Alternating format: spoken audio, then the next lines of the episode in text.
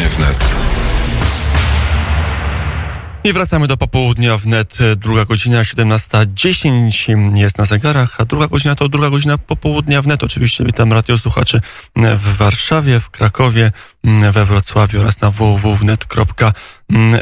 A my dzisiaj wracamy do polityki, bo przed nami jeszcze kilkanaście dni bardzo politycznie gęstych, bo kampania wyborcza, wybory, a potem powyborcze, e, przetasowania na scenie politycznej, bo ktokolwiek nie wygra, to na pewno dużo się potem będzie w polityce dziać, ale już w kampanii też się sporo ważnych e, rzeczy dzieje. Przy telefonie popołudnia wnet e, pani Janna Gębicka, wiceminister funduszy i polityki regionalnej, posłanka Prawa i Sprawiedliwości. Dzień dobry pani minister.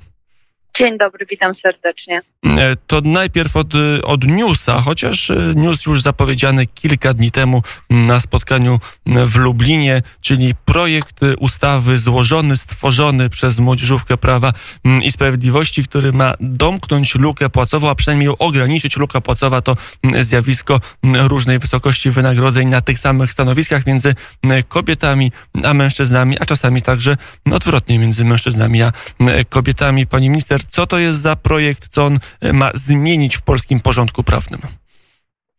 E, ten projekt zakłada zmianę definicji mobbingu. Chcemy ją rozszerzyć o różnicowanie wysokości wynagrodzenia ze względu na płeć pracownika, ale cieszę się bardzo z tego, co pan redaktor powiedział, że to może działać w dwie strony, bo e, ten projekt nie faworyzuje żadnej płci. To nie jest projekt, który ma kogoś uprzywilejować kosztem kogoś innego. E, tutaj niezależnie od płci pracownika, jeżeli pracownik w jego ocenie e, będzie doświadczał e, właśnie tego mobbingu według nowej definicji związanego z różnicowaniem płac, będzie mógł skorzystać z tych narzędzi, które dotyczą właśnie mobbingu, które są zdefiniowane w kodeksie pracy. Mamy nadzieję, że to zachęci też kobiety do podejmowania zatrudnienia, bo w tym momencie cały czas e, mamy takie wskaźniki, że e, liczba pracujących kobiet jest e, mniejsza od liczby pracujących mężczyzn, a oczywiście to wynika z wielu czynników, tak, bo kobiety też bardzo często poświęcają się macierzyństwu, poświęcają się wychowaniu dzieci i oczywiście mają do tego pełne prawo. Ale jeżeli kobiety zdecydują się podjąć zatrudnienie, chcemy, żeby mogły być wynagradzane w sprawiedliwy sposób. To jest jeden element. Pytanie, jak, duża jest, jak duże jest zjawisko w Polsce, kiedy patrzy się na dane z całej Unii Europejskiej, to wydaje się, że akurat w Polsce takie zjawisko jest stosunkowo najrzadsze, a jego wymiar stosunkowo najmniej bolesny dla osób zatrudnionych. W tym momencie jeszcze, jeżeli chodzi o różne statystyki w tym zakresie jesteśmy nadal na przykład za krajami skandynawskimi, ale chodzi tutaj przede wszystkim o to, że jeżeli w ocenie pracownika taka dyskryminacja, takie różnicowanie e, płacy występuje i co ważne, ze względu na płeć, bo to nie chodzi o to, że są osoby na różnych stanowiskach, które wymagają całkiem innych kompetencji i żeby one nagle musiały mieć takie same płace. Nie.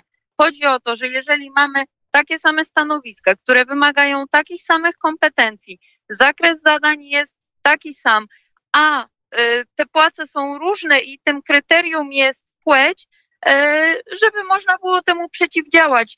Y, też według niektórych badań, właśnie w jednym z raportów znalazłam taką symulację dotyczącą tego, że gdyby w Polsce liczba e, zatrudnionych kobiet się zwiększyła o pół miliona, to e, moglibyśmy do 2025 e, roku mówić o środkach, które wpłyną do gospodarki większych od 90 miliardów do 180 miliardów złotych, więc to naprawdę też pokazuje, że jest jeszcze bardzo duży potencjał.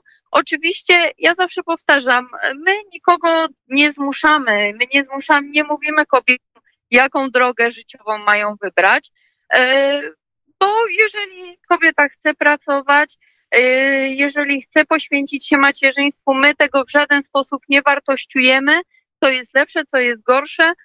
Po prostu chcemy, żeby te wynagrodzenia były sprawiedliwe, żeby kobiety nie musiały, bo często tak jest, że kobiety rezygnują czy nie chcą podejmować zatrudnienia, dlatego że po prostu odczuwają tą niesprawiedliwość w miejscu pracy. No myślę, że nikt z nas nie chciałby.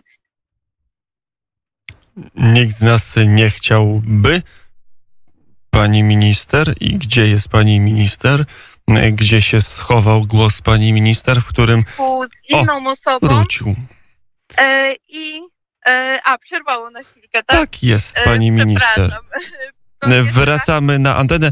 Anna Gębicka, minister, wiceminister Funduszy i Polityki Regionalnej, posłanka Prawa i Sprawiedliwości. To skoro wróciliśmy, to zmienimy co nieco temat, ale tylko na początek odrobinkę.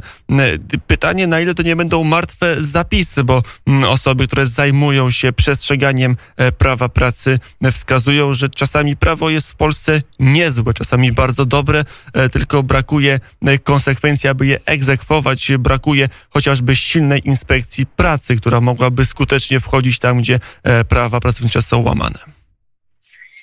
My na pewno będziemy obserwować, jak, e, jakie będą e, skutki tych przepisów, analizować to.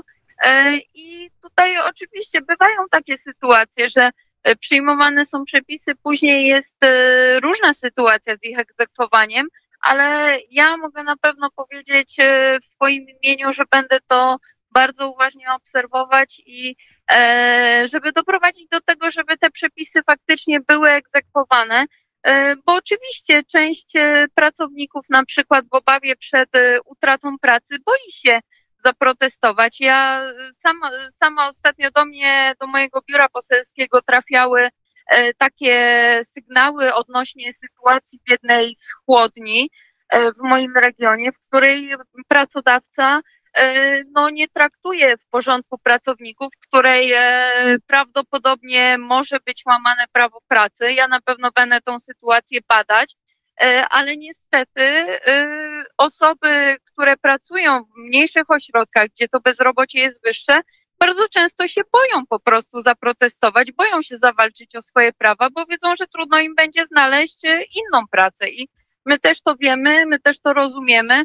Dlatego y, mam nadzieję, że te przepisy też doprowadzą do zmiany mentalności, do zmiany podejścia także pracodawców, bo y, powiem szczerze, naprawdę trudno mi sobie y, wyobrazić, żeby dalej była taka sytuacja, w której tylko ze względu na płeć, bo powtarzam, chodzi o taką sytuację, kiedy mamy to samo stanowisko, to samo, te same kompetencje, ten sam zakres zadań i tylko płeć jest tym czynnikiem różnicującym.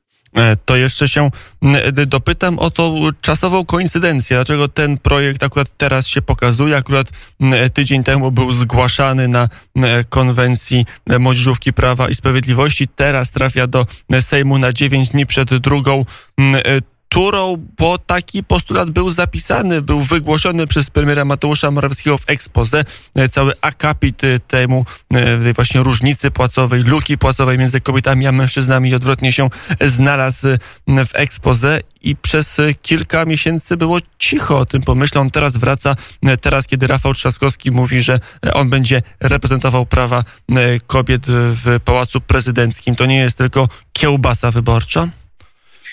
Tutaj można tą sytuację odwrócić, bo gdybyśmy ten projekt zaproponowali po wyborach, to mogłyby się pojawić głosy, że dlaczego nie powiedzieliśmy o tym, że planujemy wprowadzić takie zmiany przed wyborami. Więc yy, myślę, że idąc, yy, idąc tym tropem, to każdy czas yy, mógłby być określony jako niewłaściwy, no bo zawsze jesteśmy albo przed wyborami, albo po wyborach, albo akurat w jakimś gorącym okresie, kiedy jakiś temat pojawia się w debacie publicznej. Ja myślę, że to jest e, bardzo dobry czas i e, ja też mogę powiedzieć za siebie. Ja jestem e, posłem teraz pierwszą kadencję i także startując do Sejmu, myślałam o tym, co zrobić, żeby sytuację kobiet na rynku pracy wyrównać, więc bardzo się cieszę, że, że taki projekt mogłam zgłosić jako wnioskodawca.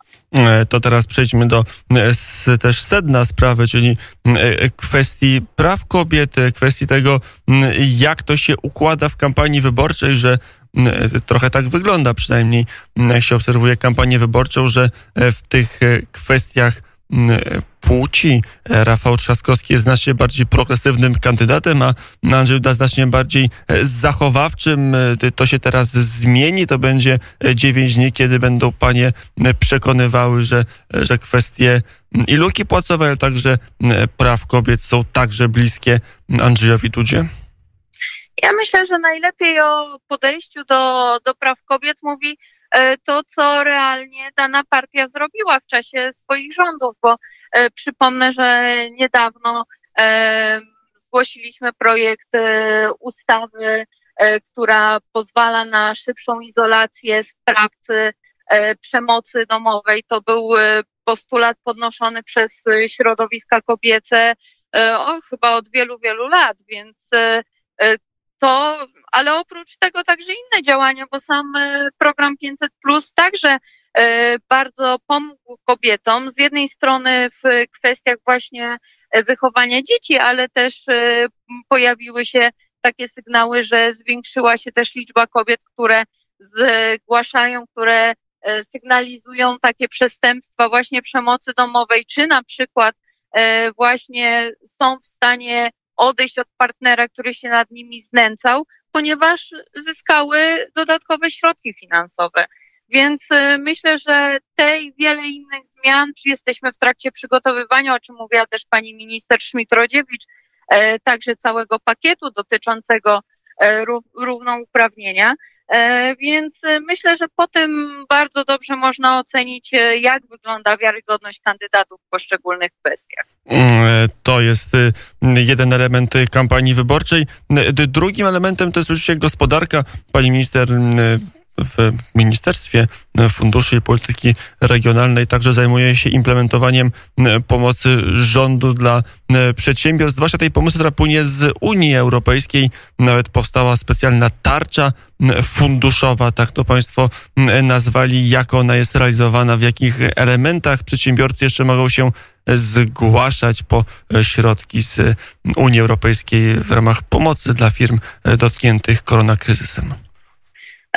To są takie zmiany dwutorowe, można powiedzieć. Z jednej strony to są zmiany prawne, które umożliwiają e, większą elastyczność, e, czy to w zakresie korzystania, rozliczania z funduszy unijnych, ale z drugiej strony to też realne środki, które trafiają na pomoc e, dla przedsiębiorców.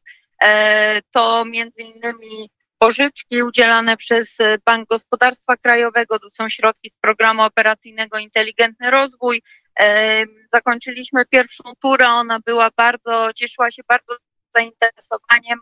E, teraz uruchamiamy kolejną, e, zwiększyliśmy tą pulę e, środków, to jest już kilkaset milionów złotych.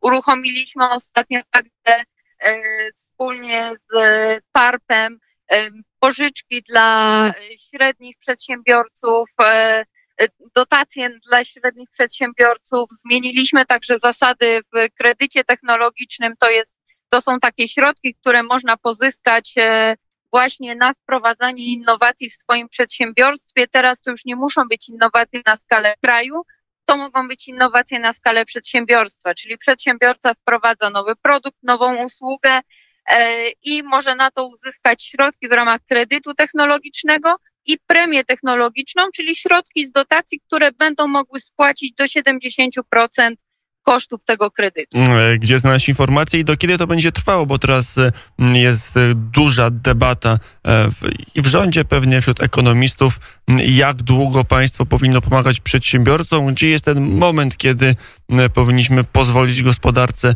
rozwijać się trochę własnym życiem, bez celowanej e, pomocy dla, dla całej gospodarki albo dla e, wybranych sektorów tejże.